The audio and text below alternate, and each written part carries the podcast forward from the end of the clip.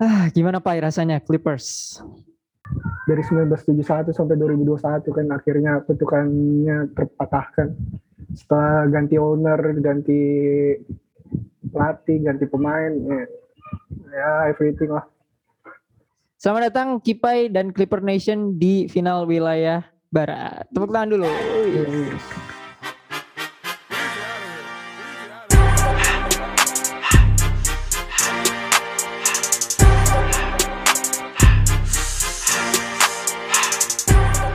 Selamat datang juga di Plus Minus Basketball Podcast episode ke-13 season ke-3.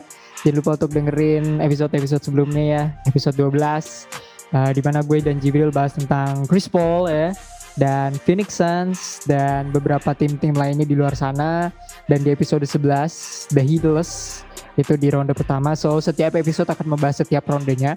So mind to listen bareng gue di sini. Uh, ini full house ya episode ini uh, bener-bener Yeah, akan yeah. ramai sekali. But we have a special guest yang akan kita uh, berikan nanti. Tapi uh, hari ini ada gue Raffi Rainur dan ada his back. Sepertinya dia datangnya di episode ganjil ya. Karena kayaknya nggak tahu mungkin karena Allah suka ganjil jadi beliau ini datangnya di episode ganjil. Ada Rizky Rahman dan Eki Eki Pai. What do you do, baby? Yo baby, what's up? Yo, seneng banget ya kayaknya. Feelingnya tuh lagi vibes-nya Eh, biasa aja sih, soalnya udah ketinggalan 2-0 dan tanpa pemain inti sih. Dan besok ada yang balik. Iya. Oh, ada yang balik. Eh, Sudah kira-kira beliau yang akan balik nih vaksinnya AstraZeneca atau Za- Pfizer ya di sana Pak? Amerika Pfizer dong. Oh, Pfizer. Pfizer Pfizer sih. ya. Amerika. Pfizer. Chris Paul kok Oke. suntik. AstraZeneca. Oke oke. Eh, selamat untuk Kipai Clipper Nation di luar sana. Akhirnya Yes, Los Angeles sir. Clippers eh, bisa lolos ke final Ah. wilayah Oh, setelah akhirnya. beribu-ribu slender yang kami kasih di season lalu ya akhirnya. Gua gua juga gua turut senang sih Pai. Maksudnya ya Thank you, gimana thank you. ya ya karena gua dan Jibril ini musim ini anti Nets jadi apa pun yang ditores sama Clippers kita kayak ya udahlah kasih aja gitu. Yang pen, yang penting asal bukan Nets, asal bukan Nets. Ya. Oke, eh ada juga LeBron Jibril. What it up? What's up? Yap, Eh, yap. Buat info aja, gue sebenarnya bukan anti net sih. Ya, gue anti net sih. Cuma kalau Nets.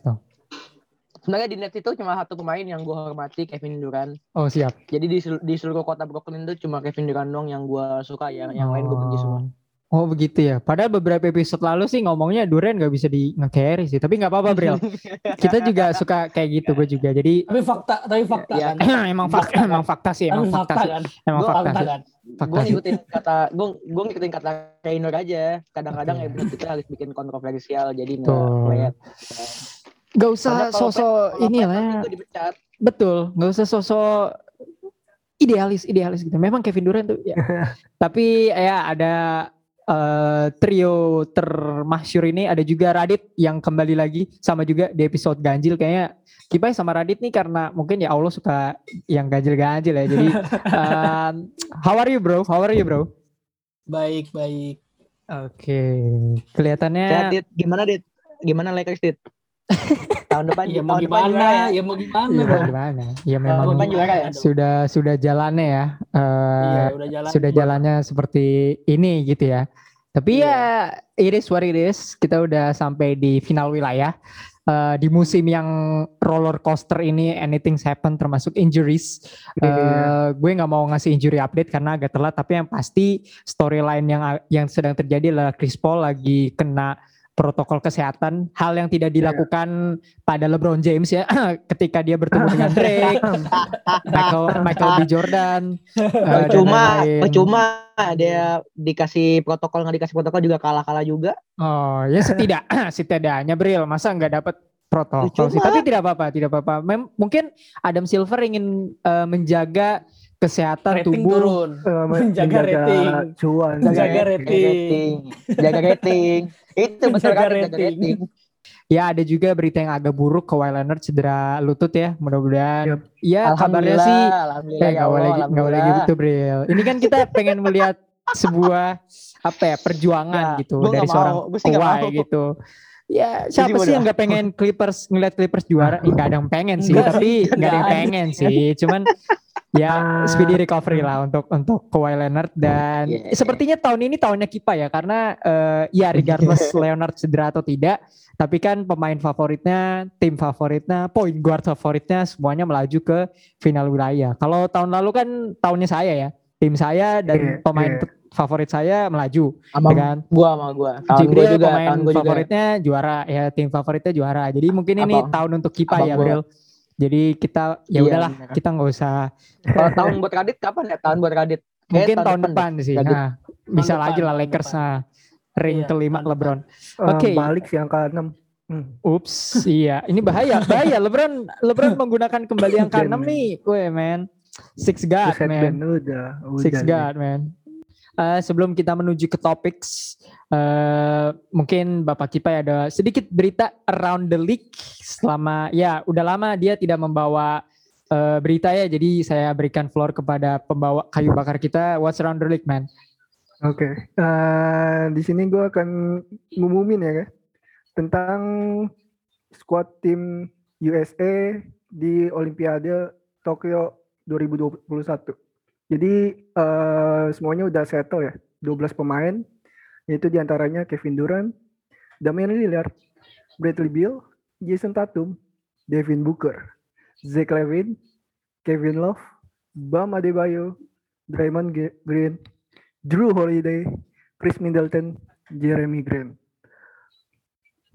Itu sih. Gimana Oke. pendapat lu, Raffi Rainer? Eh, ini kayaknya Eh, gue ngeliat banyak pemain Bucks sama Bro- Brooklyn Nets Iya. deh. Dilihat-lihat sebenarnya seperti itu ya. Ini eh, gimana ya? Mungkin kalau pemain Amerika tuh tidak memperdulikan rivalitas, maksudnya mereka bisa Iya. main eh, regardless dengan apa yang terjadi. Beda sama negara-negara, mungkin pemain-pemain Eropa.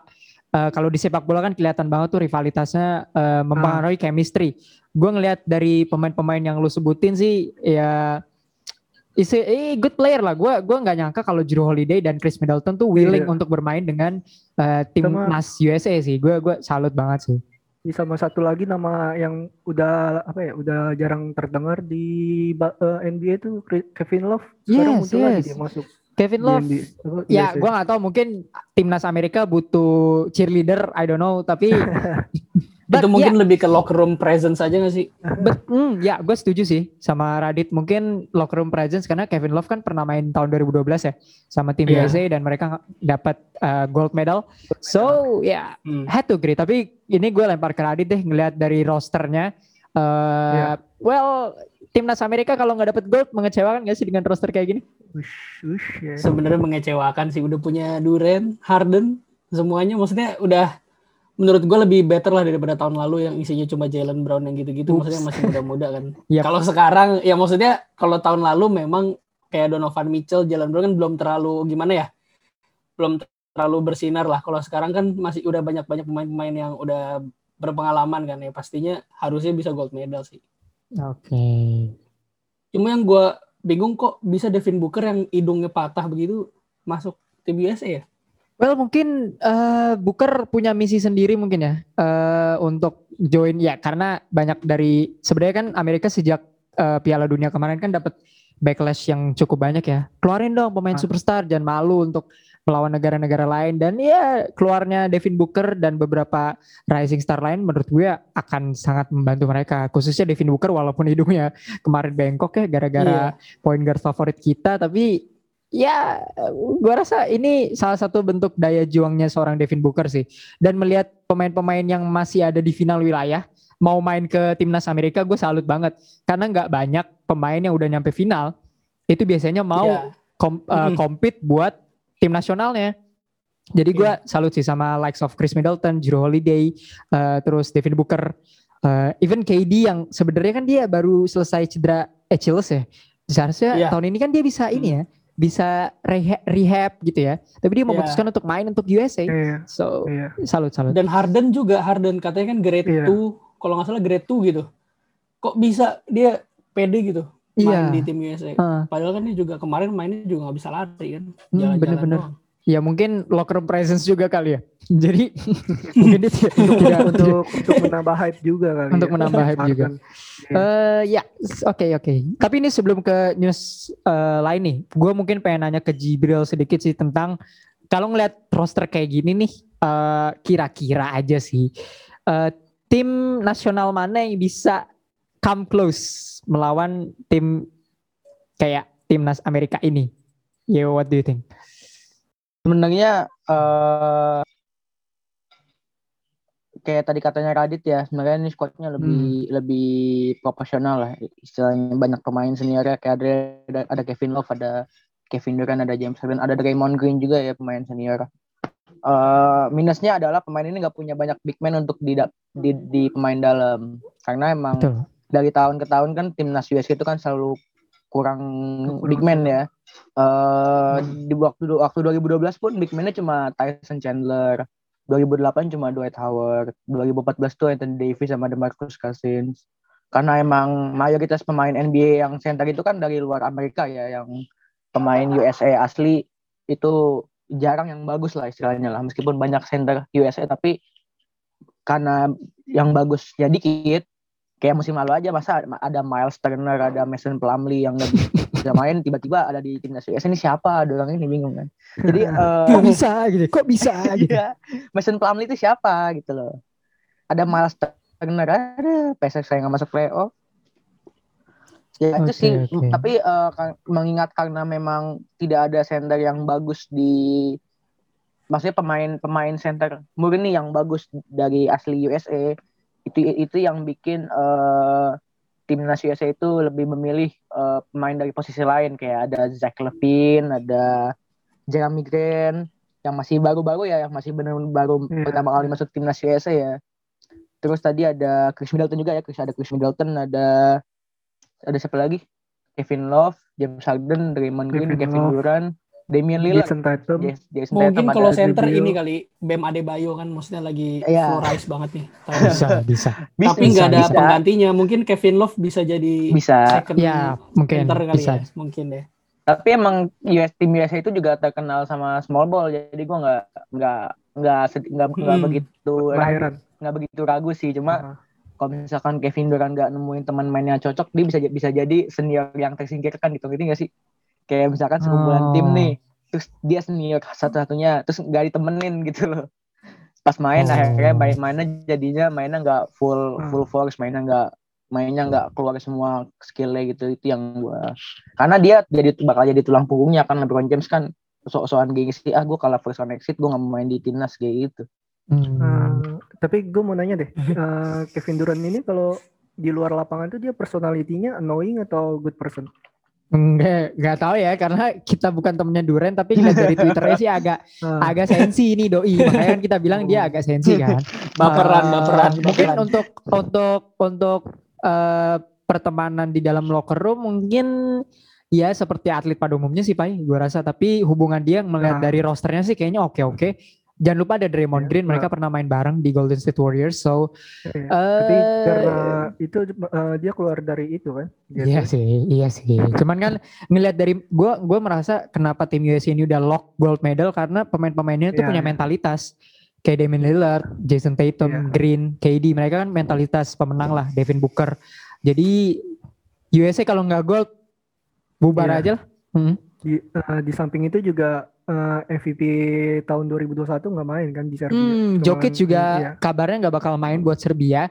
Eh, seharusnya kalau Jokic main, gue megang Serbia di Olimpiade besok. Tapi karena Jokic nggak main, dan gue nggak tahu kalau Bog Bogdan Bogdanovic ini akan turun atau enggak. Iya. Ini akan jadi easy gold medal sih untuk USA karena eh, kayak kayak terms easy ring di NBA, gue rasa ini easy gold medal karena nggak banyak pemain-pemain terbaik. Mudah-mudahan sih Luka Doncic bisa bawa Slovenia lolos kualifikasi ya, karena dia itu satu itu minggu setelah satu minggu setelah Mavs tersingkir dia langsung terbang Iya. ke Slovenia main ini main friendly match lawan Kroasia Hmm. kalau nggak salah hampir triple Hmm. double so ya kita lihat tim yang bisa come close tim yang tim yang bisa come close buat tim USA Perancis kali ya karena mungkin musim tapi kita lihat sih Bril kan kayaknya dari Prancis. entry entry pemainnya nanti kira-kira apakah mereka bisa compete atau enggak karena USA ini dari segi wing eh, guards itu kan stack banget Iya, kita iya. lihat deh pemain eh, tim mana yang bagus di bagian I don't know mungkin big man eh, hal yang lacking dari USA jadi nanti kita Iya, lihat saat Benar-benar. sudah entry list kira-kira tuh awal Juli nantilah timnas timnas timnas lain udah mulai entry lain oke next news Pai Oke. Eh, berita kedua tuh datang dari eh anaknya Lavar Ball ya. Wih deh. Rookie favorit dari host kita sekarang ini, Lamelo Ball ditetapkan menjadi Rookie of the Year tahun 2021 dengan perolehan catatan per musim eh poin per musim 15,7, er, eh, reboundnya 5,9, assist per gamenya 6,1 dan dia ditetapkan menjadi rookie mem- eh, memperoleh 84 suara. Eh, ya di- eh, dengan posisi pertama memperoleh 84 suara serta mengumpulkan 465 poin. Gimana Nur? Tanggapan lu tentang Deserve favorit? Deserve lah, Ini ini ini kan lu udah memprediksikannya dari awal ya. jelas. Kayak satu-satunya prediksi yang gue bener sih soal NBA Awards di luar Jordan Clarkson ya. Kan kita udah Ah. setuju lah dia unanimous Six Man of the Year. Tapi untuk Lamelo Ball, gue merasa sebenarnya orang-orang bastard di luar sana yang bilang Anthony Edwards itu deserve, ya sebenarnya deserve. Tapi dilihat dari impact, sebenarnya kan Rookie of the Year ini matriksnya kan kita nggak tahu kayak gimana ya penilaiannya. Mungkin Iya, iya. bisa disamain kayak MVP. Ya rookie terbaik adalah rookie yang berada di tim yang lebih baik gitu. Which in this case adalah Lamelo Ball membawa Hornets ke play-in tournament. So menurut gue secara impact jelas Lamelo Ball jauh lebih baik lah. Apalagi dari rosternya sebenarnya on paper nih ya, sebenarnya on paper. Sebenarnya Charlotte Hornets sama Timberwolves kan sebenarnya tidak tidak tidak Jauh. jauh-jauh beda. Ya mungkin bedanya Lamelo Ball main di East gitu aja sih. Beda sama Anthony Iya. Edwards main di West gitu sih. Tapi kalau lu Radit lu eh, di golongan eh, Lamelo Ball atau lu di golongan Anthony Edwards? Gue Lamelo Ball sih. Gue suka nonton kalau orang bisa passing, bisa scoring, suka sih gue nontonnya. Jelas. Oke, Kalau oke. Edwards mungkin agak lebih kayak ini ya, Donovan Mitchell gak sih mainnya? Iya, iya. Gubrak oke. gubluk, gerasa gerusuk ke sana sini kan. tapi tapi dang dangnya ke Yut dangnya ke siapa pemain Raptors you don't wanna be in NBA apa kita wa- Eh, Yuta Watanabe. oh, iya. Oh Itu itu. itu itu Ya, iya dong itu Jepang. kena Nggak mental bisa. itu si siapa Iya. Makanya kan dia dipanggilnya tuh you don't wanna be in NBA gitu habis didang kayak gitu Iya. dipanggilnya kayak gitu Tapi ya sebenarnya gua Anthony Edwards pun menang nggak masalah sih, Fai. Maksudnya ya udah mereka berdua deserve. Cuman bedanya kan orang-orang bilang Lamelo Ball sempat cedera gitu kan. Kenapa sih Lamelo Ball kan cedera gitu? Nggak bisa lah, nggak deserve lah. Menurut gue secara numbers oke. Eh, impact sih gue gue lebih lihat di impact dan biasanya rookie of the year tuh ya dinilai dari Hmm. banyaknya highlight saja sih sama flashy atau tidaknya pemain ini. Iya, Lamelo iya, Ball kan flashy banget, flashy gitu kan. Flashy passer. Tapi lu lu lu Lamelo Ball kan Bril? Kalau gua nggak salah. gua Tyrese Halliburton. Gue Ya kocak syuting gua, aja gua waktu itu komentar yang gua kasih ke dia juga tuh syutingnya aneh. Eh, sebenarnya waktu awal pertama kali NBA draft 2020 kemarin ya gue tuh ngeduk ngejagoin James Wiseman karena dia eh, nggak tahu ya dia tuh hype banget waktu awal musim dan termasuk prospek yang gede kan apalagi dia main di Golden State waktu itu ekspektasi buat dia tinggi eh terus sekarang jadi ya jadi gitulah gue lah Mungkin belum kelihatan. Mungkin belum kelihatan. Lihat jadi. Aiton sekarang. Wih, Lihat Aiton sekarang. Bisa. Syarat, Iya nggak? syarat DA. Shout out. Iya nggak? DA. Ya mungkin belum kelihatan. Iya iya betul. Gila sih itu. Monty. Williams sengaja bikin play untuk DA ya karena mungkin Tyron lu nggak nyangka dia seorang DeAndre Ayton akan mengambil game winning shot. Ya betul betul. Tapi kalau ngomongin Monty, gue respect banget sih. Cameron Payne yang apa ya notabene itu pemain siapa sih? Nggak ada yang Iya, tahu deh. Mereka tuh cuma tahu Cameron Payne tuh yang tos-tosan sama Russell Westbrook. Udah itu Iya, doang. dansa dansa Sekarang- bersama gitu ya. Iya sekarang gila 20 poin, 25. Yap, yap, yap. Oke. Gila oke. sih itu. Kayaknya gara-gara coachnya sih. Pelatih yang baik bisa membuat pemain sampah menjadi baik ya. Nah, iya. Nah, Oke oke. Iya. Ini ini Jadi- ini kalimat ini nggak berlaku buat point guard yang bikin hidungnya Devin Booker bengkok nggak berlaku buat dia. Ya. Karena dia bukan pemain sekali. basket, dia MMA tuh. Coba ta- coba battlein sama si Logan. Atau Conor McGregor gitu ya. Nanti kayak Hmm. Nate Robinson sa- sa- satu kali hit langsung KO. Oke oke. So ya shout out untuk Lamelo Ball ya. Eh Lavar Ball nih senang akhirnya ada anaknya yang bisa berprestasi ya. Karena kan mungkin Setelah sekian lama. Eh, Nggak nggak nggak sekian lama sih soalnya nggak pernah ada. iya sih. Cuman ya mungkin anak yang tengah itu agak iri sih dikit. Tapi ya udahlah. Eh, spesialisasinya kan beda sendiri. Oke. Tapi pernah go internasional kan pemain Iya, yang gue tengah itu. ya gue internasional dalam hal merampok sih bos. Oke, next news one. Eh, next news mungkin Jibril mau membacakan atau lu? Oh gue deh, gue deh. Mungkin ini gue lempar ke Oke. kalian. Apa? Ini we're, Oke. we're going short brief aja ya. Di, Uh, ya. All NBA. Jadi ada All NBA itu sudah diumumkan ya. Yap. Ada All NBA first team, second team, third team. Biasanya yang masuk All NBA ini adalah kumpulan 15 pemain terbaik yang berada di posisinya selama musim 2020-2021. Terutama dinilai dari regular seasonnya. All NBA first team itu ada Stephen Curry dari Golden State Warriors, Luka Doncic dari Dallas Mavs, uh, Kawhi Leonard dari LA Clippers, Giannis Antetokounmpo dari Bucks dan MVP himself Nikola Jokic dari Denver Nuggets.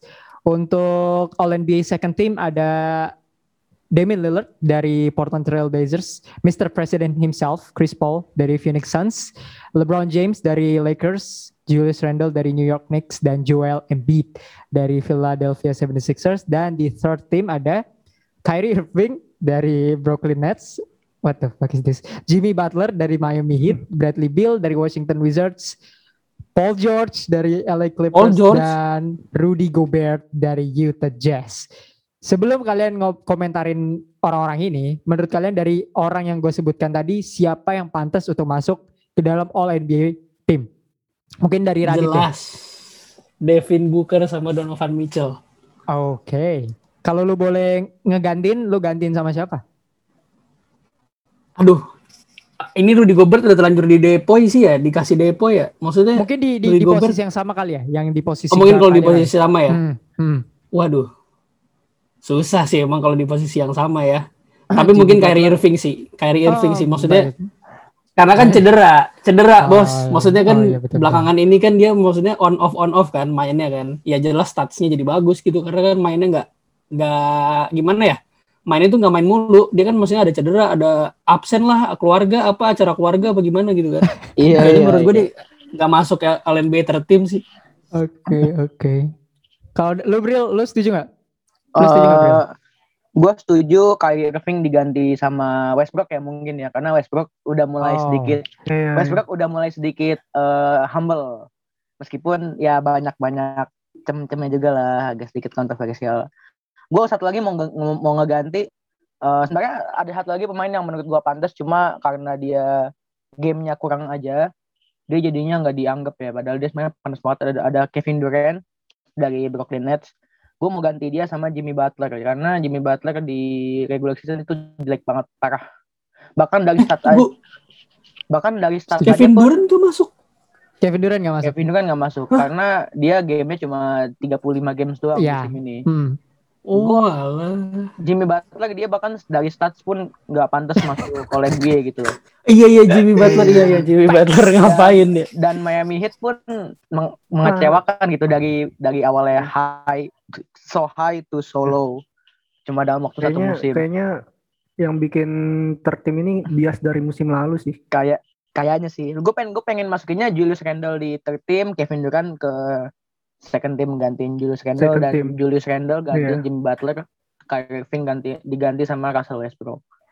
Gitu sih. Sebenarnya Kyrie sama Westbrook tuh mirip-mirip dikit. Cuma bedanya Westbrook dia averaging triple double lagi untuk kesekian kalinya ya. Iya, dia bikin dia nge ngebeat apa recordnya siapa? Oscar Robertson. Oscar Robertson. Ah, iya, musim- musim yap, ini. yap. Iya. Shout out ya untuk Russell Westbrook. Yap, yap, syarat. Eh, mungkin kita eh, going quick. Eh, gue tidak agak tidak setuju sebenarnya All NBA first team oke, tapi agak questioning kenapa Kawhi Leonard di situ karena jumlah Nah, games. eh, Kalau statistik gue nggak masalah, he deserve to be there. Tapi jumlah game aja sih, karena menurut gue All NBA ini agak susah karena ini position restrictionnya sulit banget. Jadi Joel Embiid harusnya deserve di sini, tapi karena center tuh cuma boleh satu di All NBA, jadi Nikola Jokic yang dapat. Gue agak questioning Leonard, tapi uh, it's okay. Untuk second team, gue mohon maaf nih kepada Radit dan Jibril ya, tapi how the fuck LeBron James there? Karena uh, dari segi Iya iya iya. Setuju juga stats setuju. biasa Iya, iya. saja. Numbers game tidak banyak.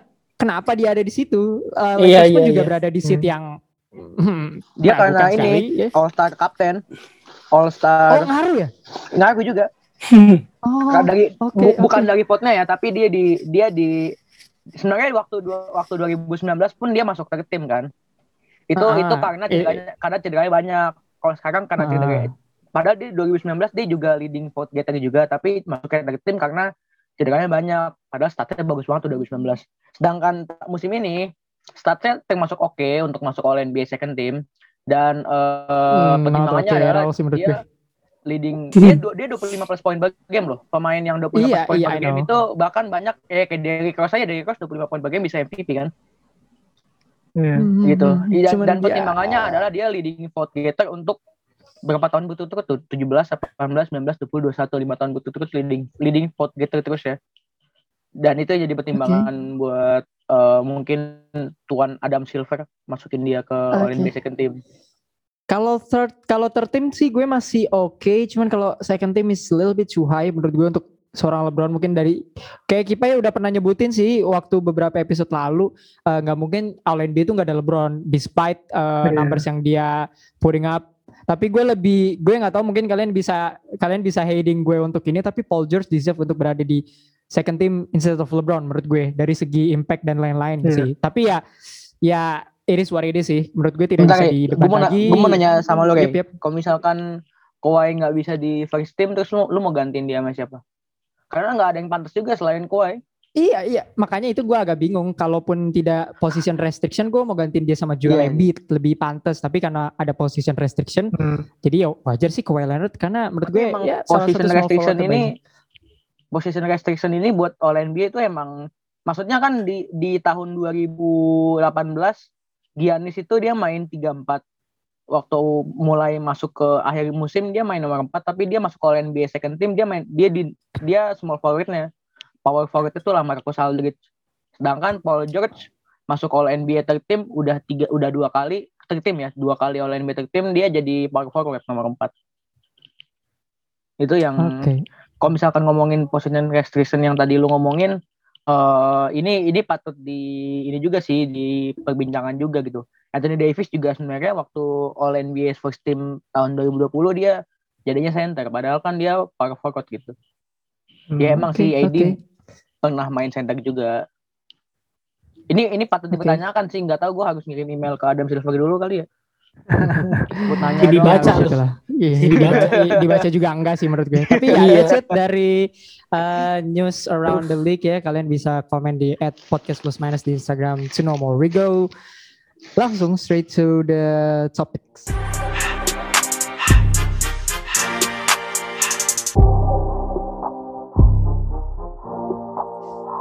Alright, eh, di awal tadi kita udah bahas sedikit tentang news ya around the league dan we straight to the topics di episode ke 13 ini. Um, as I mentioned before, kita ada in full house. Tadinya ada empat orang, sekarang ada lima orang. So we would like to welcome you kepada um, Ketua NBA Nets Bandwagon Association.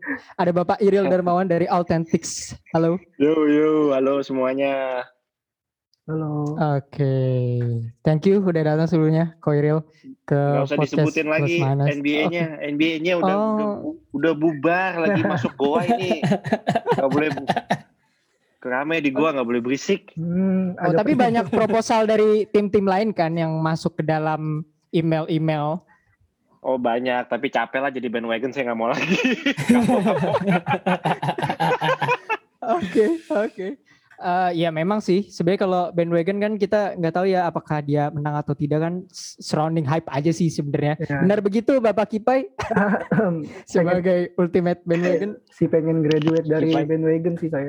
Eh, tapi akhirnya graduate juga ya. Eh, Tapi ya mending tuh Tapi udah ya. paling bener bandwagon tuh ke Clippers sih sebenarnya. Karena kan udah nyampe finals eh, wilayah. ya, tapi kayaknya Tapi ya kayaknya bakal di sweep sih. ya kita lihat ya. Soalnya Clippers kalau ketika 2-0 tuh selalu eh, mukul balik gitu ya. Iya. But uh, we straight to topics. Tadi udah disebutin sedikit ya tentang Nets. Eh, sedikit ngomongin Nets karena eh, di episode sebelumnya kita belum ada kesempatan bahas Nets lebih jauh. Kayak mikirnya kan, wah ini tim akan menuju ke NBA Finals dengan easy peasy lemon squeezy. Ternyata banyak-banyak begitu banyak faktor yang terjadi. Eh, Kevin Durant carrying the whole team, James Harden kena hamstring, Kyrie Irving kena ankle. Mungkin eh, saya bertanya kepada mantan ketua Nets Bandwagon Association nih eh, ke Koiril Yo. Brooklyn Nets ini em, ternyata not as strong as predicted well karena sebenarnya eh, mereka kan terlanda cedera dan lain-lain sebenarnya hal yang harus diperbaiki untuk mencapai well final musim depan itu apa? Ya yang yang pasti em, semuanya mesti sehat ya ketiga ketiga orang ini. Kalau salah satu aja nggak ada, menurut gue semua tim bisa compete lawan mereka karena eh, of course defense mereka itu PR banget. Defense-nya jelek. Eh, offense-nya kalau dilihat dari apa tujuh game kemarin itu bener-bener setelah nggak ada Kyrie, setelah nggak ada Harden ya semuanya main ISO KD aja. Itu usage rate-nya KD udah mungkin udah udah nggak tahu deh, udah gila-gilaan. Jadi eh ya lu nggak akan menang lah untuk main ISO lawan tim kayak kayak Milwaukee Bucks menurut gua agak susah. Dan Harden juga walaupun dia balik di em, game ke berapa kemarin? Kelima ya? Kelima. Hmm. ya menurut gua eh, ya kita hargain lah effortnya. Tapi ya dia cuma jogging gitu di lapangan ya nggak ada manfaatnya juga. Malah malah jadi apa ya malah jadi liability lah. Offense offense-nya nggak terlalu jadi liability ya. Cuma cuma kalau gua jadi Milwaukee sih ya ke setiap Harden megang bola ya kasih aja. Dia mau ngapain kasih aja. Toh dia juga nggak nggak punya eksplosivitas yang kayak Harden biasa kita lihat gitu loh. Dan di defense juga dia nggak akan bisa jagain sampai gimana gimana banget. Tapi uh, still appreciate um, effortnya Harden buat paling nggak uh, bi- bi- bikin distraction lah di lapangan jadi kalau kalau musim depan PR-nya ya ya semuanya harus harus sehat ya Eh, nggak Iya. di regular season gue nggak terlalu pusing rekor mereka di regular season mau di set dua kayak tiga kayak tapi kalau di playoff ujung-ujungnya pada cedera gini sama aja bohong sih sebenarnya Alright. Kalau bisa boleh nambah amunisi nih kira-kira yang cocok untuk berada di Brooklyn Nets itu siapa? Untuk menambah amunisi aja sih. Masih kurang itu tiga. Iya, siapa siapa tahu KD butuh lagi tenaga-tenaga segar. Mungkin menurut Koiril yang cocok aja sih. Nggak harus pemain superstar, mungkin bisa pemain kayak solid role players. Gua rasa cap cap space-nya sih udah nggak ada ya maksudnya eh, kalau kalau gue gue lebih daripada harus nambah-nambah kalau player yang mungkin nanti secara chemistry mesti start dari nol lagi gue mendingan develop si Claxton deh Claxton itu Alright. sebenarnya Claxton itu sebenarnya kalau kita ngelihat sekarang em, Atlanta gimana tadi di game 1 bisa ngacak-ngacak Milwaukee dengan pick and roll-nya ya. Karena Milwaukee Brook Lopez selalu drop drop coverage. Dia mundur-mundur banget sampai sampai di eh, paint areanya. Jauh banget. Itu sebenarnya bisa diterapin kalau misalnya nanti Harden atau Kyrie main eh, pick and roll sama Claxton sebenarnya. Itu menurut gua akan jadi salah satu opsi juga buat nanti musim depan. Gua rasa develop develop si Claxton tuh sebenarnya udah cukup sih sebenarnya Oke. The point is uh, develop Claxton. Well, geser sedikit dari Claxton ke KD. Uh, gue kredit karena di dua episode sebelumnya kita udah mention sedikit tentang Nets dan bagaimana Kevin Durant mungkin akan menjadi aktor utama dari perjalanan Nets. Tapi kan KD ini sebelum di Nets kan dia uh, statusnya itu villain ya of the NBA Villain. gitu. Iya. Uh, dengan dia setelah cedera Achilles terus um, istirahat selama satu tahun rehab dan sekarang dia balik kemarin lawan Bucks scoring 49 48 effortless sekali sayang banget itu di game terakhir itu dia cuman beda beberapa inci itu kalau misalnya Kevin Durant mungkin kakinya nggak terlalu panjang mungkin Brooklyn Nets bisa lolos ke babak final wilayah tapi uh, KD averaging 34,7 points 93 rebounds 4,7 assist lawan Bucks. Menurut lo apa yang telah orang-orang pikirkan ke KD he's the villain ringnya nggak ke consider dan bla bla bla. Kesalahannya lunas dimaafkan nggak dengan effort dia melawan Bucks kemarin? Gue respect banget sih tapi pas ngeliat KD kemarin main 60 menit kan kalau nggak salah hampir 60 menit main. Dan udah bener-bener ngebuktiin kalau ya dia pemain ya maksudnya the best player in the world gitu. Maksudnya set, apa di bawah apa LeBron James maksudnya kan. Tapi oke. tapi uh, kalau menurut gue uh, dimaafin sih kalau kalau lu tanya ke para para fans fans LeBron pasti kan pada kesel kan pasti Kevin Iya. Durant kayak gini gini gimana gitu kan. Ya menurut gue dimaafin sih ngeliat effort dia kayak gitu. Oke. So, Bril is he certified carry player? Udah, Harusnya. dia, dia sebenarnya dari zaman dari zamannya Golden State ngalahin LeBron, ngalahin Cleveland 4-0 dia udah certified carry player ya. Dari Oke. zamannya OKC sebenarnya sih, cuma mungkin karena di Golden State ada Stephen Curry yang lebih jago nge-carry, jadi Iya. dia tuh kayak cuma kayak cuma Second option. aja, second Ah. option aja. Waktu Curry cedera pun dia yang ngegendong kan, ngalahin Cleveland di Christmas game kan Curry kan nggak main. Yep. Oke. Kevin Durant oke. sama LeBron James battle itu Kevin Durant yang ngegendong Golden State ngalahin Cleveland karena emang Cleveland juga bego-bego semua sih pemainnya tuh waktu itu udah udah certified alright. benar ya udah certified Alright. oh gue tuh kok gue gue gue kalau misalkan nge-roasting orang tuh kayaknya happy banget ya Happy banget ya. Apalagi uh, Brooklyn Nets. But but save your save your roast karena ini ada satu tim yang pantas sebenarnya untuk di roast. Eh, dari dari tim yang sama di wilayah yang sama eh, Philadelphia 76ers guys, eh, tim favorit kita musim lalu. Eh Supra, gue nggak gue nggak nggak tahu ya ngomong surprising atau enggak, but they lost in seven game lawan Atlanta Hawks. Eh, ini gue ke Jibril dulu deh. Sebelum ke Sixers, lu mau ada Iya, permintaan maaf kah? Karena lu bilang Hawks in five, gue bilang eh sorry, kita bilang Sixers in Sixers in five, five. Sixers in six. Iya, Eh, iya. Ada permintaan maaf kah untuk Treyong? Iya. Saya LeBron Jibril 16 dengan ini mengklarifikasikan permintaan maaf tapi bohong karena ya nggak usah minta maaf lah orang kayak yang udah jago kok. Iya. Oke oke. Tapi Tapi tapi, ya- emang emang gue bisa setuju kalau misalkan Ben Simmons itu Ben Simmons itu point guard paling eh Overrated. Iya, Oke dia baik. karena dia tuh dia kalau beda kan kalau Patrick Beverly kan emang nggak bisa main dia cuma bisa mancing-mancing orang emosi aja. Kalau Ben Simmons dia bisa main bedanya, tapi dia malah kayak gitu. Ya kecewa lah kita ya. Masa masa ada pemain NBA yang prime seasonnya itu rookie season gitu. Iya, iya. Kan Oke. lucu gitu. Masa Oke, ada sih alright. pemain yang nggak bisa ngedang, yang malah Iya. passing. Masa pemain udah kosong itu gua kan pemain ya. Gua kan masih full time atlet kan gua masih latihan Oh, siap. basket, masih main basket juga. Di depan ring malah passing lagi tuh gua bisa dicabut dari tim sama pelatih gua itu.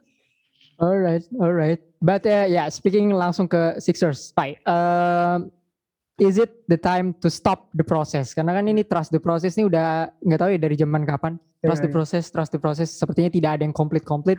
Do you think it's time to stop Iya. the process? Iya, dari awal juga emang juga pernah percaya sih gue sama uh, Phil- Philadelphia Sixers. Uh, Embiid sama Simmons tuh harus dipisahin sih. Mereka berdua tuh nggak nggak banget lah. Gue gue mau Oke. nanya nih kok eh, ke Kohiril, kira-kira Ya. eh, mendingan Ben Simmons yang keluar atau Doc Rivers yang keluar? Kalau kalau lihat lihat Sixers ya. Waduh. Ya sebenarnya sih kalau kalau gue mau ngomong fair ya kita udah cukup lah ngerosting Ben Simmons. Eh, Ya gue gue coba coba ngasih apa ya ngasih angle. Gue ngambil angle yang lain sebenarnya. Sebenarnya kekalahan Sixers kemarin nggak bisa sepenuhnya kita bilang karena Hmm. Ben Simmons sih. Sebenarnya ada ada ada bad bad coaching juga dari Doc Rivers em, terutama di beberapa game yang mereka udah lead eh, jauh banget dan Doc Rivers malah mainin eh, second unitnya mereka. Jadi kayak eh, agak agak nganggep remeh eh, Atlanta Hawks di beberapa portion of a game yang sebenarnya itu very very crucial. Eh, jadi jadi sebenarnya eh, kenapa Sixers bisa kalah? Sebenarnya sebagian karena salahnya Doc Rivers juga dan dan ketika eh, post game eh, game 7 kemarin kalah itu gue agak hilang respect sama Doc Rivers karena dia in in some ways dia blaming ke ke Pemainnya Ben sendiri. Simmons gitu Yep. ke Ben Simmons gitu Hmm. harusnya ya dia dia blame blame himself aja sih sebenarnya nggak perlu dia eh, nyalain Ben Simmons juga tapi Embiid juga di post gamenya dia bilang eh, turning point di game 7 adalah ketika si Ben Simmons blunder dia dikasih open open layup open dunk dia nggak bisa.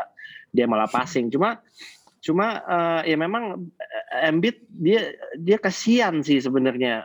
Di- dia dia tapi tapi Embiid juga sebenarnya nggak bisa dikasih free pass juga ya. Dia juga eh, dia ada beberapa turnover di game 7 yang cukup krusial juga di menit-menit akhir Eh, jadi gue rasa ini kekalahan Sixers sih bukan nggak bisa kita pointing fingers ke satu orang ya. Cuma memang yang paling yang paling bangke sih si Ben Simmons memang Eh, karena kar- karena karena nggak mungkin nggak mungkin di satu tim lu jadi second best player ya kita bisa argue lah se- second best playernya antara Sure, dia sure. atau si Tobias Harris ya cuma nggak mungkin lu second best player tapi lu unplayable di di menit-menit akhir itu nggak mungkin gitu loh. Ada pemain bintang yang even coachnya aja nggak mau mainin dia itu nggak menurut gua agak aneh gitu. Saking saking anehnya sampai gue sampai trace back gini. Emang di playoff playoff tahun lalu tuh dia emang kayak gini atau enggak? Ternyata tuh enggak loh. Maksudnya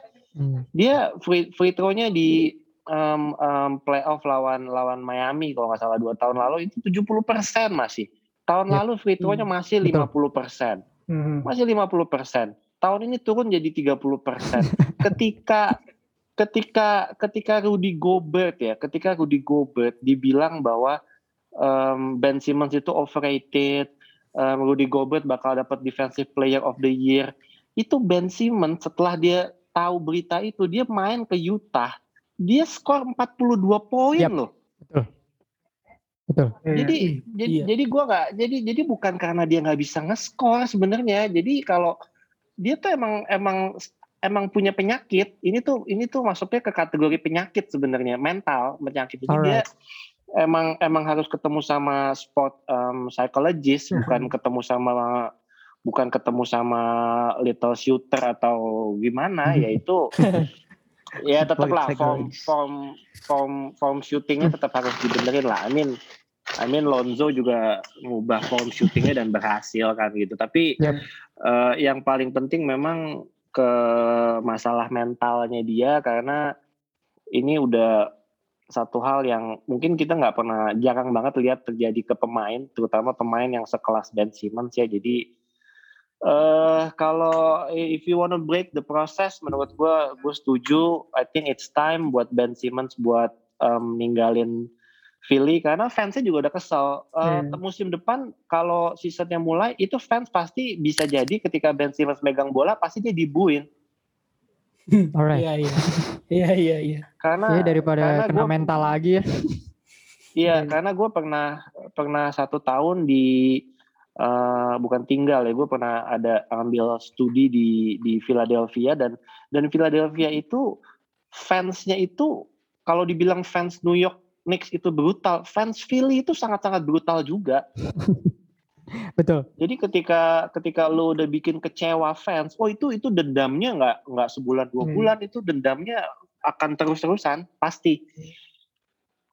nggak nggak Hmm. nggak kayak netizen Indo ya yang maha pemaaf seminggu langsung lupa atau sejak kapan dari sini Indo maaf? tapi seminggu Nah, Tiba itu jadi, makanya saya nggak mau makanya itu saya nggak mau jadi bandwagon lagi. Wah, di Oh. kacau bro.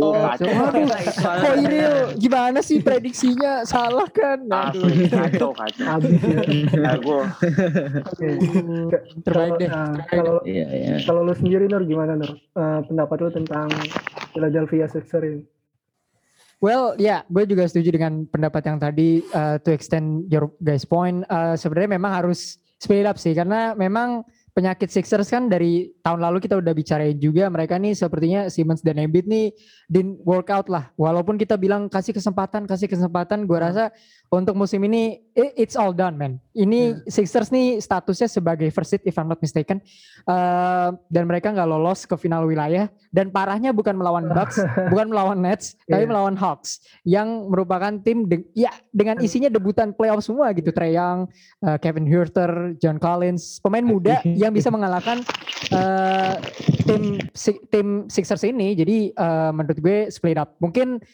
uh, I don't know kalau dari segi kontrak Ben Simmons ini uh, apakah dia sekarang masuk ke free agency atau enggak. Tapi kalau misalnya bisa di trade mungkin bisa I don't know trade dengan guard yang bisa nge-shoot itu sih. Anything Masih panjang Lowry kontraknya. kayak- Ya udah berarti di trade sama sama pemain yang punya value yang sama atau lebih baik. Let's say uh, misalnya I don't know, misalnya yang paling possible kan kayak Lowry atau mungkin ya guard model apa pun yang bisa nge-shoot boleh di Kemba Tukar sama Kemba Ben Simmons. Kemba tuh tukar Kemba Sebenarnya Sixers itu kan nggak tahu deh. Kemba kan sekarang ada di punyanya OKC ya, OKC, jadi I iya. don't know. udah pindah. I don't know. Sebenarnya Sixers itu kan udah punya tiga shooter ya, ada Seth. Curry, ada Danny Iya, Green, ada. Furkan, ada Furkan Korkmaz juga. Tobias Tobias Harris juga Harris. bisa nembak sebenarnya, tapi karena emang Ben Simmons dia bukan qualified point guard juga karena di awal-awal itu small forward ya.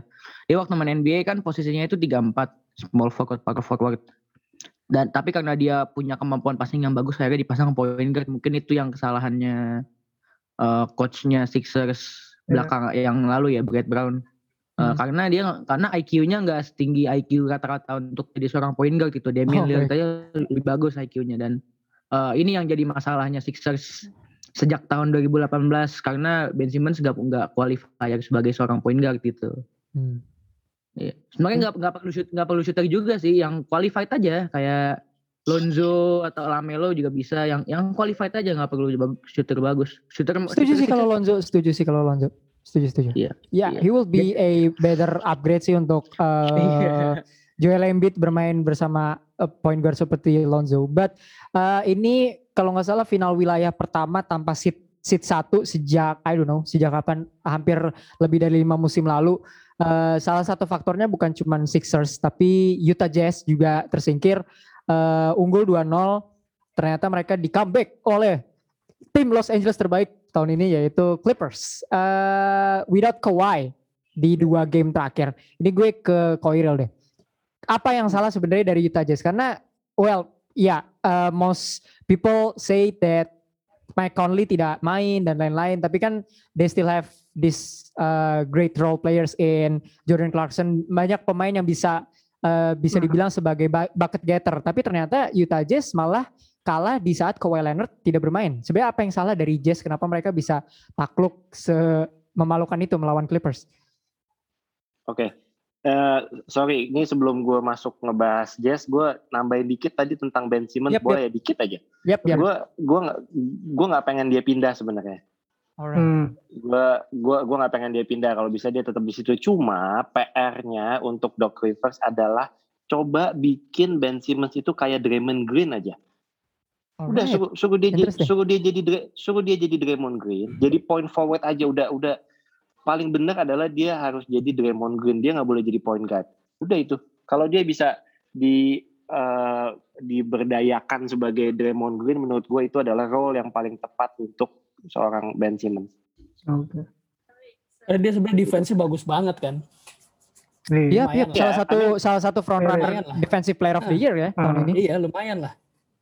Iya, cuma dia nggak pernah bisa jadi defensive player of year karena dia nggak dia eh, di- dia ngejaga dia guarding point guard dan em, itu banyak sekali em, hal-hal yang nggak masuk ke ke ke box score gitu loh. Jadi secara secara angka, secara numbers memang em, eh, Gobert memang jauh banget, jauh banget, Ke- keli- lebih lebih jauh lebih kelihatan gitu. Cuma ya nggak susah juga, nggak nggak gampang juga jadi Ben Simmons sebenarnya. Nih. Banyak harapan sih karena trust the process itu. banyak iya dulu kan kita pengennya dia jadi kayak LeBron Iya, gitu kan iya. He's Young like- Prince. Yang Tapi Young Iya, sekarang- he's like he, he- he's Young like Magic Prince. Johnson, he's like LeBron Yep, yep. James. Sekarang kita minta please dia jadi Draymond Green aja cukup Iya. ya. Tuh. Oh. Tapi emang Draymond Green point forward yang bagus ya kayak LeBron James juga ya. Jadi emang iya, Ben Simmons gak usah main point guard lah ya. Gak usah nggak iya pantas. kan jadi kita udah kita udah bisa lihat dia ceilingnya kayaknya nggak akan bisa sampai ke LeBron ya udah kita turunin ceilingnya sampai ke Draymond aja kan nggak apa-apa kan Iya. Iya nggak nggak masalah. Iya, Nggak masalah. bisa. It's Ben Simmons after all.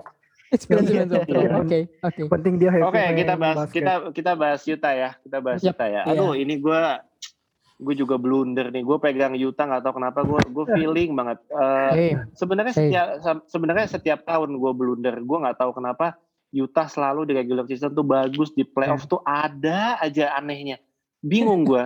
Nggak tahu nggak tahu kenapa. Tapi eh, ya terlepas dari faktor cederanya Mike Conley atau enggak ya, gue nggak melihat Utah itu mainnya kayak di regular season gitu loh Mhm. Hmm. di, di playoff ini benar-benar totally beda. Gue lihat Utah main di regular season itu ball movementnya, chemistry-nya mereka semua itu benar-benar bagus banget dan di playoff ini nggak tahu kenapa kayak apa ya? Kayak Kurang kayak, mental, kayak, kayak ngeliat kayak Utah Jazz ya, kecuali di kecuali di dua game awal ya. Dua game awal itu ketika mereka main di Utah itu em, gue sampai bilang di Instagram ketika mereka leading 2-0, gue bilang ini Clippers nggak mungkin comeback. Iya. Karena di dua game awal itu mereka bagus banget mainnya. Itu it's, it's the Utah Jazz. It's the first seeded Utah Jazz yang gue pengen lihat ya seperti itu di dua game awal. Tapi nggak tahu game ketiga sampai ke ke berapa tuh? Ke enam? Eh, kayak kayak nggak tahu gue di di telepon Adam Silver apa gimana Clippers yang menang apa gimana? Gue gue nggak. Asli nggak kayak kayak ya ya I mean uh, uh, Mitchell-nya tetap bagus lah ya. Donovan Mitchell is a is a superstar lah. Dengan dia main sejauh ini di playoff gue udah bisa bilang kalau dia udah ada di level superstar sih sebenarnya. Tapi um, ya kalau mau ditanya apa yang salah ya I think uh, at the end Rudy Gobert become a liability ketika Clippers main small ball. Akhirnya Gobert sama kayak tadi jadi kayak Brook Lopez nggak bisa dimainin. Akhirnya em, si coach Quinn Snyder juga gue rasa kalah kalah strategi lawan Mhm. Ty Lue. Yep, I yep. mean, eh, ya ini agak agak em, under, di underestimate juga nih Lue karena Iya. Um, karena di 2016 banyak yang bilang kalau dia digendong sama LeBron, I mean he's coach. coaching. Uh, dia it's, he's, he's more of a assistant coach. Tapi di playoff ini sih dia gue rasa udah kasih kasih pembuktian banget ya dia bisa in game adjustmentnya gila-gilaan dia bisa um, ya bagus lah. I think it, it salah satu faktornya adalah faktor coach sih. Gue suka sama Hmm. coach Quinn Snyder tapi dalam series kemarin uh, Ty Lue lebih lebih lebih Bagus. smart lebih Smart. smart, menurut gue Ah, ya. Nggak ada yang salah sebenarnya sama timnya sih. Menurut gue men- menurut gue Oke. nggak ada yang nggak ada yang salah sih. Udah bagus. Utah tuh bagus menurut gue komplit timnya Hmm, Em, ada semua apa, ya?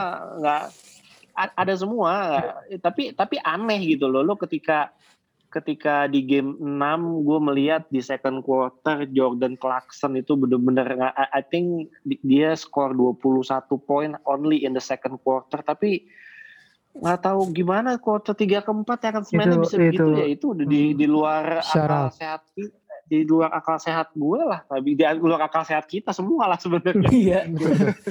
How gitu?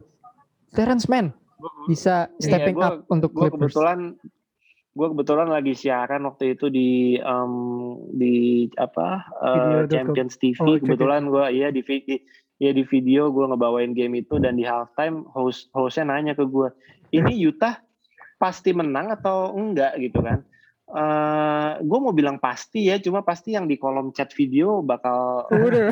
Barbar. Barbar. Gimana sih kok Iril prediksinya? gue gue gue udah belajar bahwa bahwa gue tidak boleh menggunakan kata pasti jadi eh, jadi gue berusaha main aman dan di half half time sebelum quarter 3 mulai gue bilang bahwa kalau pemain Clippers ada satu orang yang tiba-tiba gila banget itu Clippers bisa menang ya udah itu Hmm. Terrence Mann gila banget Oke. Oh, iya sih. itu satu keajaiban di Clippers sih. Terrence Mann di Hmm. quarter 3 itu nyetak 21 poin apa? Kalau nggak salah. Yap, yap. iya Betul, betul. Dan 3 poinnya masuk semua apa 5 per 7 gitu. Gue lupa. Itu gila sih emang. Yap, yap. Dari tahun kedua ngayam-ayamin seorang DPOY. Tapi kalau boleh nambahin sedikit sebenarnya ah, ya eh, kita boleh setuju nggak ada yang salah di Jazz. Tapi eh, dari yang gue pribadi lihat sih sebenarnya kekuatan terbaik mereka menjadi kelemahan terbesar mereka ya, which is Rudy Gobert. I I see that I don't know ya. Mungkin eh, beberapa orang tidak melihat ini, tapi sepertinya Rudy Gobert tuh sering banget dieksploitasi oleh eh, penyerang-penyerang pemain-pemainnya Eh, Clippers, Clippers. gitu. Likes of eh, Reggie Jackson, Terrence Mann, bahkan in some point eh, Terrence Mann tuh shoot op- wide open dan Rudy Gobert telat untuk close out. Dan ya I think eh ya balik lagi sebenarnya tidak ada yang salah dengan Jazz, cuman kalau boleh gue bilang sebenarnya Rudy Gobert is the eh, adalah pemain yang adalah kekuatan terbesarnya Jazz yang ternyata menjadi kelemahan terbesarnya mereka juga gitu. iya. Dan beberapa kali dieksploitasi dan buktinya Terrence Mann bisa mencetak poin banyak kayak gitu. Rudy Gobert tuh plus minusnya minusnya uh, I don't know. Kayaknya waktu itu double digit minus. Uh, tapi again, eh, mudah-mudahan Utah Jazz nih eh, selalu tipis ya. Tahun kemarin mereka eh, beda beberapa second untuk menuju ke semifinal melawan Denver dan sekarang Iya. Clippers tanpa ke- tanpa Kawhi, tanpa Kawhi bisa eh, menang melawan eh, Jazz seat pertama. So ya, mad props untuk Tyloo ya. Eh, Iya. Speaking of Clippers, Gue tambahin sedikit ya. Oke, Gua- oke, cool. Gue gua gua tambah sedikit. Tadi uh, poin tentang Rudy Gobert adalah dia become a liability ketika bermain lawan tim yang sedang menjalankan strategi small ball. Itu Hmm. dia menjadi liability. Iya. Dan Hmm, itu kalau tadi kalau tadi ditanya kenapa Utah bisa kalah, itu itu adalah uh, kesalahan coach Quinn Snyder di mana dia tidak bisa mengcounter small ball-nya si Clippers. Gitu. Yep, yep. Karena dia Hmm. karena dia tidak pu- karena dia tidak punya pemain yang bisa mengcounter small ball-nya Clippers itu aja. Itu itu Rudy Gobert dipasang terus, dipasang terus nggak nggak diganti-ganti. Itu yang agak agak telat menurut gua. Hmm. Alright, alright. Karena Ya. Batum juga diem-diem bagus sih itu mainnya. Iya, Batum dia tuh dia nggak bisa triple tiba-tiba iya. bagus. Iya. Centernya bagus, iya. Wow. bisa. Batum tuh, ya I, I have to agree ke Radit tadi. Batum tuh diem-diem silently dia dua-dua battle orang Perancis ini ternyata dimenangkan sama yang lebih senior. Iya. uh, Batum over Gobert tapi ini ke Clippers karena ini Clippers so I will give to Kipai dulu abis itu mungkin kita ngomongin CP3 dikit ya. Eh pemain favorit lo melawan point guard favorit lo Pai. Dan tim favorit lo akhirnya men- eh, melaju juga ke final wilayah setelah 50 tahun eh, kehidupan mereka selama hidup franchise ini berdiri Iya. itu akhirnya mereka lolos juga ke final wilayah. Mengalahkan semua eh, apa ya di NBA lah ya. ya tim-tim yang ada gitu terus uh, beating all the odds gitu dan akhirnya Clippers tuh sampai sini seharusnya mereka sampai sini tuh udah di musim lalu tapi ternyata baru di musim ini Uh, menurut lo peluang lolos ke final tanpa Kawhi itu gimana karena kan kita udah sempet bilang uh, lu bilang targetnya Clippers tuh yang penting masuk conference finals dulu deh soal mereka mau masuk finals atau enggak we can Iya. we can agree kalau mereka udah dalam tanda kutip sukses untuk tahap pertama nih Hmm. Uh, mereka setidaknya bisa lolos dulu ke conference final. Tapi menurut lo peluang tim lu ini lolos ke final tanpa Kawhi, Chris Paul ba- balik nih ke game 3, ya what do you think? Ini ketinggalan 2-0, Clippers udah dua kali ketinggalan 2-0 dan berhasil. Tapi menurut lo objectively peluang lolos ke final tanpa Kawhi gimana? Eh, peluang, peluang lolos menurut gua bagi Clippers itu cuma 5% doang sih tanpa Kawhi. Soalnya Sialan. soalnya apa ya di game 2 kemarin tuh Paul George kayak bukan Paul George aja, bukan kayak bukan Paul George di playoff ya. Kalau di sebelum-sebelumnya mah emang Paul George. Gitu sih. Eh, baliknya si Pitri tapi gue berharap sih eh, Tyron lu bikin keajaiban lagi ya atau ada satu pemain aja kayak Reggie Jackson. Reggie Jackson atau Nicholas Batum tuh three point-nya wangi terus eh, dan Devin Booker eh, bermain seperti game 2 kemarin eh, kurang bisa diharapkan tapi DeAndre masih ada DeAndre, DeAndre Ayton juga sih sama Chris Hmm. Paul tuh sangat sulit memang lawan Phoenix Suns yang sekarang tanpa apalagi tanpa Kawhi ya. Jadi cuma 5% doang sih menurut gua. Wow, uh, small percentage dari seorang fans setia Clippers selama satu tahun terakhir ini. Tapi Enggak, eh, enggak. 5% Iya, lu lu nggak pernah ngerasain aja jadi fans Clippers. Iya, siapa juga yang mau ngerasain jadi fans Clippers sih sebenarnya. Tapi ya, berarti 5% objectively, tapi lu lu lu uh, mengharapkan adanya keajaiban dari tangan seorang Tyron Lu ya Aha, uh, untuk mengangkat Clippers kembali ke uh, situasi yang dari normal. kurang- Iya, Gue lempar ke Radit uh, Phoenix Suns sendiri nih dua game tanpa si Pitri, tapi tiga game tiga ini nanti udah fix kan. Balik Iya, udah fix. si Bapak Fix. Presiden ini udah fix. Em, menurut lo Suns bisa close close out di berapa game? Dan menurut lo apakah mereka akan masuk ke finals eventually? Ini sebenarnya tergantung game 3 ini sih. Kalau misalkan nih Suns bisa nih menang nih ya jadi 3-0 menurut gue udah sih. Ya maksudnya kalau belum ada nggak sih tim yang udah menang Iya. 3-0 terus di Nggak. comeback kan belum ada kan kayaknya. nggak ada. belum belum Ya. Kayaknya Dan- ini bakal Dan jangan kalau sampai sih. misalkan menang udah sih. Iya, kayaknya udah sih. itu Bener-bener udah. itu Tyron langsung buset disembah sama orang-orang asli dah. 2-0 2-0 yang ini 3-0 itu udah gila banget sih. Oke, oke. So ya faktor si Pitri sebenarnya juga menentukan ya karena ya Iya. tadi Ki- Kipai bisa bilang sebenarnya Phoenix Suns tuh almost lost. Tadi Devin Booker dan Paul George eh, trading buckets after buckets di quarter terakhir di detik-detik terakhir. Tapi ternyata eh, smart call dari final play-nya di mana DeAndre Ayton ambil lob-nya dari Jay Crowder di detik-detik terakhir. Suns leading 2-0 tapi eh, tetap jadi PR untuk Suns ke game ketiga karena kan ini again seven game series lu tidak bisa meremehkan Clippers ya regardless Kawhi ada atau tidak tapi kan ya eh, the question in everyone lips adalah bagaimana sebenarnya pandemic P cabang barat yaitu Paul George ini bisa mengangkat eh, timnya. Nah ini ke Jibril, menurut lu eh, apa yang harus dilakukan Paul George in order ya karena kan Hmm. harapan besarnya kan lies on him gitu. Eh, di setiap gamenya Clippers tuh pasti kalau kalah eh, salahnya PG, kalau menang eh, Kawhi yang dipuja-puja. PG ini kayak nggak pernah dapat Iya. credits yang Iya, dia iya, iya. perlukan. Tapi kalau menurut lo, eh, what should Paul George do di series ini? Eh, mungkin dia harus balik ke mode MVP Paul George 2019 ya. Eh, tapi kalah-kalah juga sih 2019. Lah, kon- jadi konsisten aja sih dan nggak passing ke Iya. out juga, nggak passing ke wasit juga, nggak nggak salah lihat ring gitu. I- i- lebih fokus, lebih konsisten aja sih. Kalau buat Paul George ya karena selama dia bagus, cuma kesalahan-kesalahan dia itu konyol dan viral gitu kayak passing ke wasit, nembak ke papan, bukan ring itu konyol gitu. Jadi kurang-kurangin lah ngelawak di lapangan kan bukan stand up comedy gitu kan.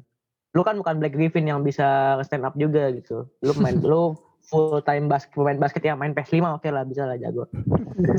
Lebih konsisten aja sih udah conference final dan lu ketinggalan 2-0 jangan jangan sampai lu cuma nyari eh, popularitas dan viralitas yang ujungnya bakal jadi penyesalan buat lu gitu kalau misalkan lu kalah 3-0 kayak tadi kata Radit ya udah kalau misalkan kalau misalkan Clippers udah kalah 3-0 ya udah selesai gitu end of story gitu jadi jangan sampai lu ngelakuin hal-hal yang bisa bikin lu menyesal di kemudian hari gitu lah Well, eh, ini ke Koirel. Kan ada beberapa konspirasi ya. Sebenarnya dari Lord Rangga bilang kalau Sun Waduh. itu akan juara NBA. Iya. Tapi sebenarnya apa Suns ini punya peluang untuk ke babak final. Habis itu menang championship karena kan Chris Paul nih orang selalu berdoa semoga Chris Paul mendapatkan ring setiap tahunnya. Akhirnya ini kesempatannya dia nih untuk dapat rings.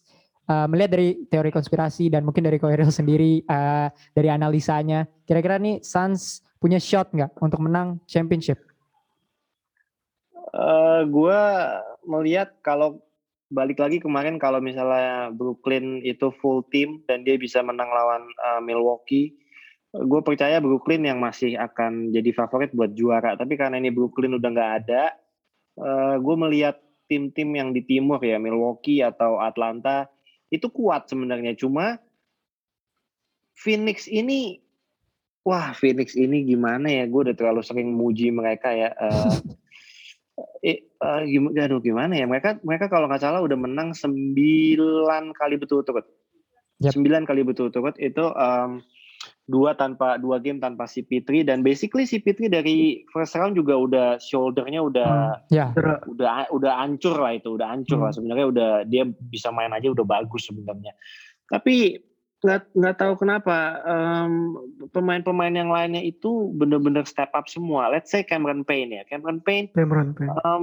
sebelum sebelum playoff tahun ini ya ampun siapa siapa sih yang bakal nyangka Cam- Cameron Payne bisa jadi bisa jadi backup point guard yang benar-benar solid yang bisa ngasih lu 15 17 poin per game? Nggak mungkin ada yang nyangka lah. Kalau ada yang nyangka gue kasih duit deh.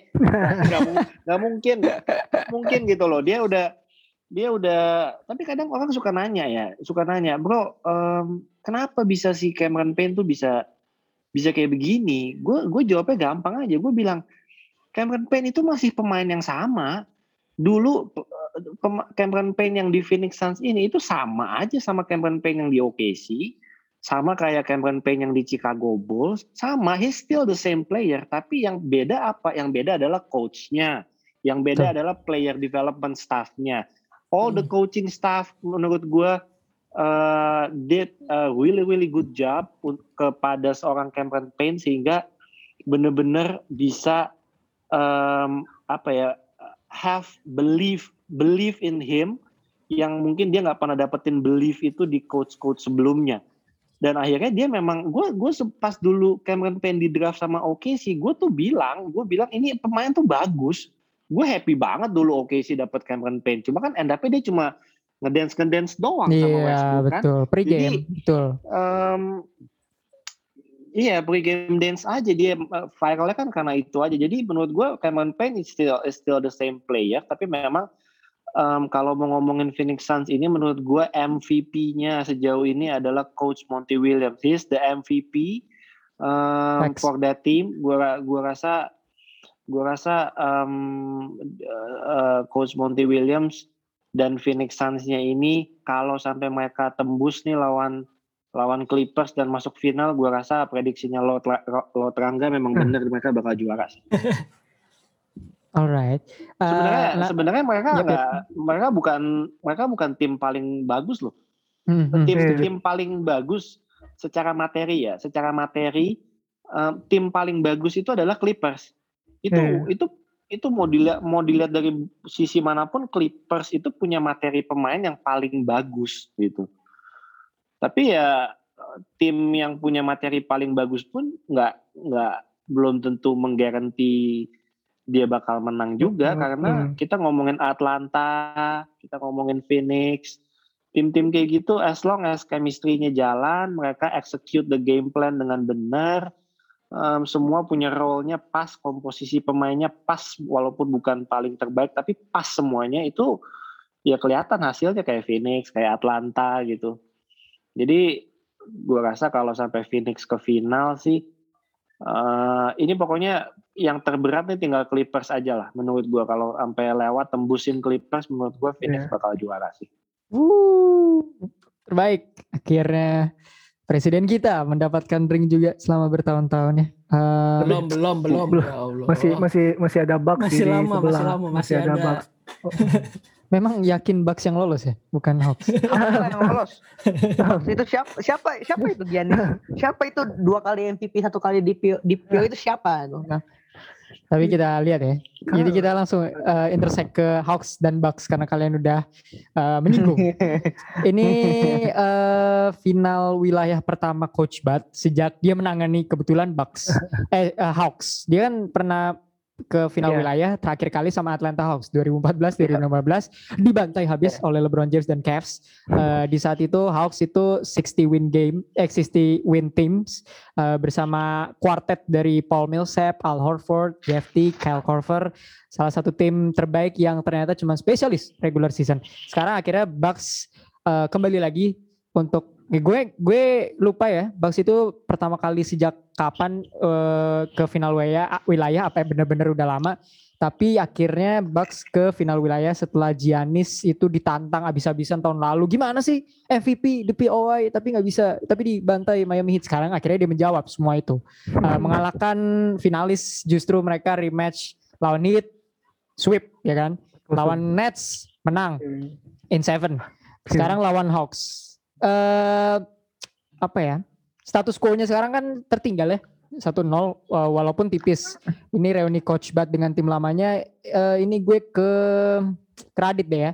Menurut lo ini harusnya jadi series yang mudah nggak bagi Giannis dan Bucks? Mengingat mereka udah ngelewatin tim yang udah pernah ke final udah ngelewatin tim yang katanya akan ke final ya kan? Dikalahin semua. Walaupun ya ada beberapa hal yang sebenarnya masih kurang di sana sini dari Bucks. Menurut lo harusnya ini series yang mudah gak sih bagi Bucks dan Giannis Antetokounmpo untuk melaju ke final? Menurut gua enggak sih walaupun di atas kertas emang pemain Bucks itu lebih bagus, cuma kalau ngelihat Hawks itu timnya bagus banget sih. Mulai dari benchnya ada Galinari gitu kan. Di benchnya aja ada Galinari gitu kalau menurut gua di starting five mereka aja kan udah bagus nih, udah bener-bener rata gitu. Terus tiba-tiba nanti benchnya ada Galinari gitu, bener-bener ngebantu banget sih. Kayak tadi kan gua nonton ya, Galinari tuh ya lumayan lah, walaupun mid range-nya tuh bagus banget. Jadi kayak wajar aja kalau Hawks bisa menang-menang kayak gini terus. so it's not gonna be an easy series untuk Enggak Bucks sih. Menurut gua enggak sih. Wow, iya karena eh gue ya gue sekali lagi ya minta maaf karena dua seri sebelumnya tuh gue nggak pernah megang house karena ya tim yang biasanya baru lolos ke playoff kan sangat jarang untuk melaju jauh seperti Hawks ini ya.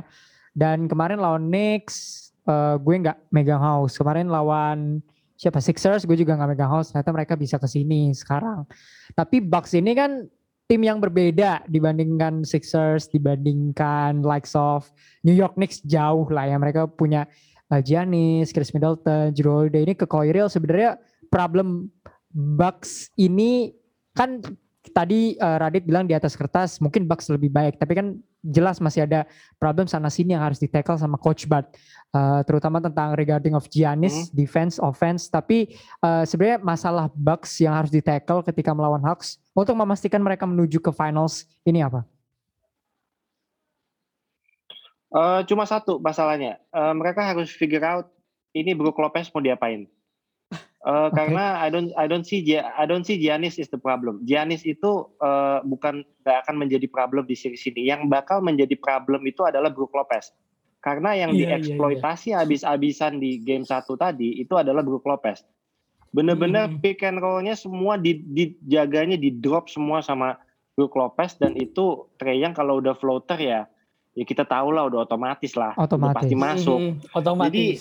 udah otomatis jadi jadi eh, yang perlu dilakukan coach Bud itu benar-benar cuma satu tidak ada yang lain dia harus dia harus putusin eh, apakah eh, Milwaukee itu mau main small ball dengan pasang Giannis di posisi 5 atau dia tetap mau main kayak sekarang dengan mas dengan mainin Brook Lopez dan lu bakal dieksploitasi abis-abisan di pick and roll-nya um, Atlanta Hawks. Kalau dia taruh uh, pertimbangannya adalah ketika Milwaukee bermain small ball, tadi di quarter 4 dia main small ball, Giannis ditaruh di posisi 5, Brook Lopez nggak dimainin, itu rebound reboundnya kalah abis-abisan Kalah, kalah. karena iya, masih bener. ada Capella, masih ada John masih ada John Collins gitu. Jadi memang agak dilema ini coach Bud mau main small ball kalau dia main small ball reboundnya kalah kalah banget. Kalau dia Hmm. masukin Brook Lopez ya Trey, Trey Young-nya bakal keenakan banget. Jadi masih dilema, gua nggak tahu nanti em, em, coach Bud bakal mengambil jalan yang mana. Tapi kalau dari hasil game satu tadi, Brook Lopez itu bakal jadi liability di series ini. Yakin? Mhm. So ya, yeah, tanda tanyanya sekarang ada gimana Coach Bud utilize seorang Brook Lopez ini ya, karena beberapa kali Coach Bud ini kan memang em, eh, dari segi adjustmentnya kan kalau bahasanya fans bola kan miskin taktik gitu ya. Jadi eh, mungkin ada beberapa adjustment yang Coach Bud harus sadari bahwa ini tuh seven game series masih banyak Ya. yang bisa di adjust oleh Milwaukee Bucks in order mereka melaju ke finals gitu. Betul. betul. Oke. Setuju. Jadi, eh, jadi menurut lu Nur eh, tantangan terbesar dari ini itu sendiri apa sejauh ini? Uh, sulit ya karena ya sejujurnya gue memang sudah dari lama tidak uh, I'm not a big fan of Trey Young karena you know di draft kelasnya mereka kan ada Doncic, uh, it's obvious. Tapi apa yang sudah Trey Young lakukan di playoffs ini ya particularly uh, itu hal yang harus di dia diapresiasi. Dia barusan di game pertama kan cetak 48 points. Untuk ukuran guard seperti Trey Young mencetak 48 points ke lawan seperti Bucks, Bucks. itu menurut gue is is is crazy. Karena gue nggak tahu untuk tantangan sendiri kan karena Trey Young ini kan selalu dinilai uh, lia- liability on defense ya. Tapi itu bisa di tackle sama teman-temannya yang berada di sekitar dia. Sementara match up-nya dia, Jrue Holiday itu bukan offensive firepower gitu. Jadi mungkin tidak masalah untuk Trey, Trey Young gitu. Ketika dia berha- berhadapan dengan eh, mungkin eh, pemain seperti Jrue Holiday. Tapi ke depannya mungkin ketika berhadapan dengan pemain seperti Booker atau Chris Paul, mungkin itu menjadi tantangan sendiri untuk eh, Trey Young. Tergantung dari match up-nya. Karena Atlanta Hawks sendiri gue gak tahu ini bener-bener ngagetin gue karena gue perlu minta maaf sekali lagi karena I don't really root for Atlanta Hawks satu-satunya hal yang gue suka dari mereka tuh jersey-nya gitu sementara di tahun ini mereka bener-bener gila uh, perfect uh, dari segi chemistry kita bilang dari posisi 1 sampai 5 pemainnya semuanya punya chemistry yang sangat bagus. Dari Trae sampai John Collins itu mereka suka pick and roll setiap saat. Sama Clint Capella juga salah satu senjata mereka juga. Ada juga pemain favorit Atlanta Hawks dari gue yaitu Bogdan Bogdanovic. Menurut gue uh, kalau bisa ngomongin X factor untuk Hawks di samping tadi Radit udah ngomongin Galinari jelas Bogi sih. Karena di saat orang-orang itu fokus on Young di beberapa saat nih Bogdanovic selalu eh, turn up di saat yang sangat-sangat tepat. Well, mungkin di beberapa saat dia agak messing up little bit, tapi eh, kalau misalnya Trae yang lagi off selalu ada seorang Bogi ini. Jadi menurut gue Bogdanovic ini adalah ya fakta bahwa dulu Bogdanovic hampir mau diambil sama Bucks. Jadi menurut gue eh, ya agak eh, lucu aja sih. Eh, Itu. seorang Bogdanovic eh, yang mau diambil Bucks justru dia adalah salah satu kekuatan eh, yang bisa mengalahkan eh, si Bucks itu sendiri gitu sih. Cuma So, kalau iya. menurut Kenapa, gue ini sih eh, apa? Kayak Trae yang defense-nya juga agak capek. Tadi kan sebenarnya tuh Juru Holiday mainnya bagus banget, Trai. Yap, Dia tuh cetak 33 poin loh tadi loh. Yap. Bener-bener dia sama Giannis doang ini yang main. Jadi kalau menurut gue Trae Young juga bakal susah juga sih kalau harus nge-defense si Juru Holiday. Bakal capek juga pasti. Yep, yep. Gitu sih. Tapi ya the question is apakah Jrue Holiday bisa tampil seperti ini untuk Konsisten, iya. game-game selanjutnya Iya. karena kan kemarin lawan Nets tuh Mhm. dia turning up tuh di bahkan di game 7 tuh dia sebenarnya bau banget. Kebetulan aja itu Iya, three iya. point terakhir itu dia bisa bisa berhasil ya. Dia bisa berhasil akhirnya walaupun dia 5 5 per 13 apa 5 per 23 gitu ya. Jrue Holiday itu sih jadinya bukan ngomongin tantangan Treyong ya malah tantangannya Jrue Holiday tapi ya itu sih gue juga setuju Iya, sama iya. Radit tadi Jrue Holiday keren dan Chris Middleton juga sebenarnya harus ya eh, ge- night in and night- out dia harus eh, solid sih karena Giannis Antetokounmpo tuh setiap malamnya selalu delivering a good game. And Hmm. ya eh, karena ini sudah sampai eh, final wilayah, mungkin gue akan tanya eh, starting from Jibril terus ke Koiril, ke Kipai, ke Radit dan ke gue. Bril bagi lu skenario final terbaik ini bagi lu ya ter- terlepas dari apa pun yang sudah kita bicarakan ini boleh pendapat subjektif boleh sekedar lu suka aja. Menurut lu skena- skenario final terbaik menurut lu tuh siapa ketemu siapa? Bucks ketemu Clippers dua tim terbaik dari segi squad. Bucks versus Sun ya Giannis sama si Pitri gitu ya terbaik secara peringkat dan menurut gue match up-nya paling imbang atau Mhm. Hawks versus Clippers Eh, karena karena di sini LeBron James sudah nggak ada ya, udah modal dari playoff dan juga gue nggak gua nggak bisa ngomong banyak kayak yang tadi udah gue bilang.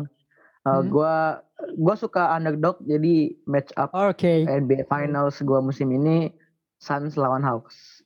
Suns lawan Hawks oke Eh, ini kesempatan untuk point guard senior memberikan pelajaran kepada point guard junior kalau playoff itu tidak mudah. Hmm. dan gua juga dan gua suka Aduh. underdog Ah, eh, Oke. gua milih Sun sama Hawks aja sih buat eh, NBA Finals versi gua musim ini ya karena Oke. gua mau ngeliat point guard senior dan point guard junior ini battle nih siapa yang jadi the, the next presiden Oke, oke, ya siapa yang mau sih sebenarnya Trae yang jadi presiden ya? Oke, oke. ada yang mau. So dari Jibril adalah Hawks versus Sun, walaupun dari segi ah, penjualan tiket dan rating mungkin nggak sebesar itu ya. Tapi ya, let's move on ke Koiril eh, skenario final terbaik. Yuk. Itu siapa ketemu siapa? Terbaik versinya Adam Silver apa versi gua? Ya versi Koiril sendiri sih sebenarnya. Kalau versi Adam Silver kan aja. kita kita tahu siapa ketemu Kalau siapa. versi Adam Silver LeBron James yang dimainin soalnya kalau misalkan nggak ada LeBron James nggak ada duit masuk ke NBA. Sebenarnya kalau dari Adam Silver itu paling ideal adalah Clippers ketemu lawan Milwaukee. Oke. Itu itu paling ideal karena duit-duitan di belakangnya gue tahu tuh kontrak-kontraknya gue udah lumayan paham tuh. Jadi eh, jadi kalau gue pribadi sih gue em, memang suka sama tim underdog juga ya. Jadi Iya. eh, kalau kalau Milwaukee Atlanta sih gue I'm rooting for Atlanta untuk bisa masuk ke final. Uh, Dan kalau Phoenix Clippers, eh, karena gue sempat bilang bahwa gue sangat-sangat berterima kasih karena si Pitri pernah satu season di OKC dan bikin kita masuk playoff. jadi gua gua gua akan rooting for si Pitri and the Yes. Buat, Betul. buat masuk final sih baik. Gitu. Baik, oke. Em, wah, ya uh, underdog stories ya. Berarti Suns, Hawks, Bucks. Oke. Eh, dari Radit, skenario final terbaik menurut lo? Setuju sih gue Hawks sama Suns. Kayaknya bakal seru sih. Benar-benar bakal apa ya? Udah kayak final yang baru aja kan dari dulu kan LeBron, Curry, kalau nggak Duren siapa lah maksudnya yang orang-orang yang jago-jago semua lah. Nah ini kan pengen gitu kayak ngelihat yang bener- Wajah baru. Iya wajah baru, scapegoat dari NBA gitu. Kayak seru banget sih kalau misalkan Hawks sama Suns masuk final. Well, alright, alright. Kalau dari lu Pak, nih gue tahu nih mau ke mana. nih. Enggak, semua, semua orang suka underdog sih. Eh, kejutan-kejutan kayak Hawks, Hawks versus Sun tuh udah ya, paling dinantikan sih kalau dari Fans Clippers segi bacot banget dah kalau ngomong. Tuh, ini Clippers kan Clip- Clippers ini final pertama loh. Masa lu nggak lu nggak ini kesempatan sekali seumur hidup lo kan, main. kan, kan, kan gue udah Musim depan belum tentu lagi. Musim depan belum tentu lagi Clippers ke sini.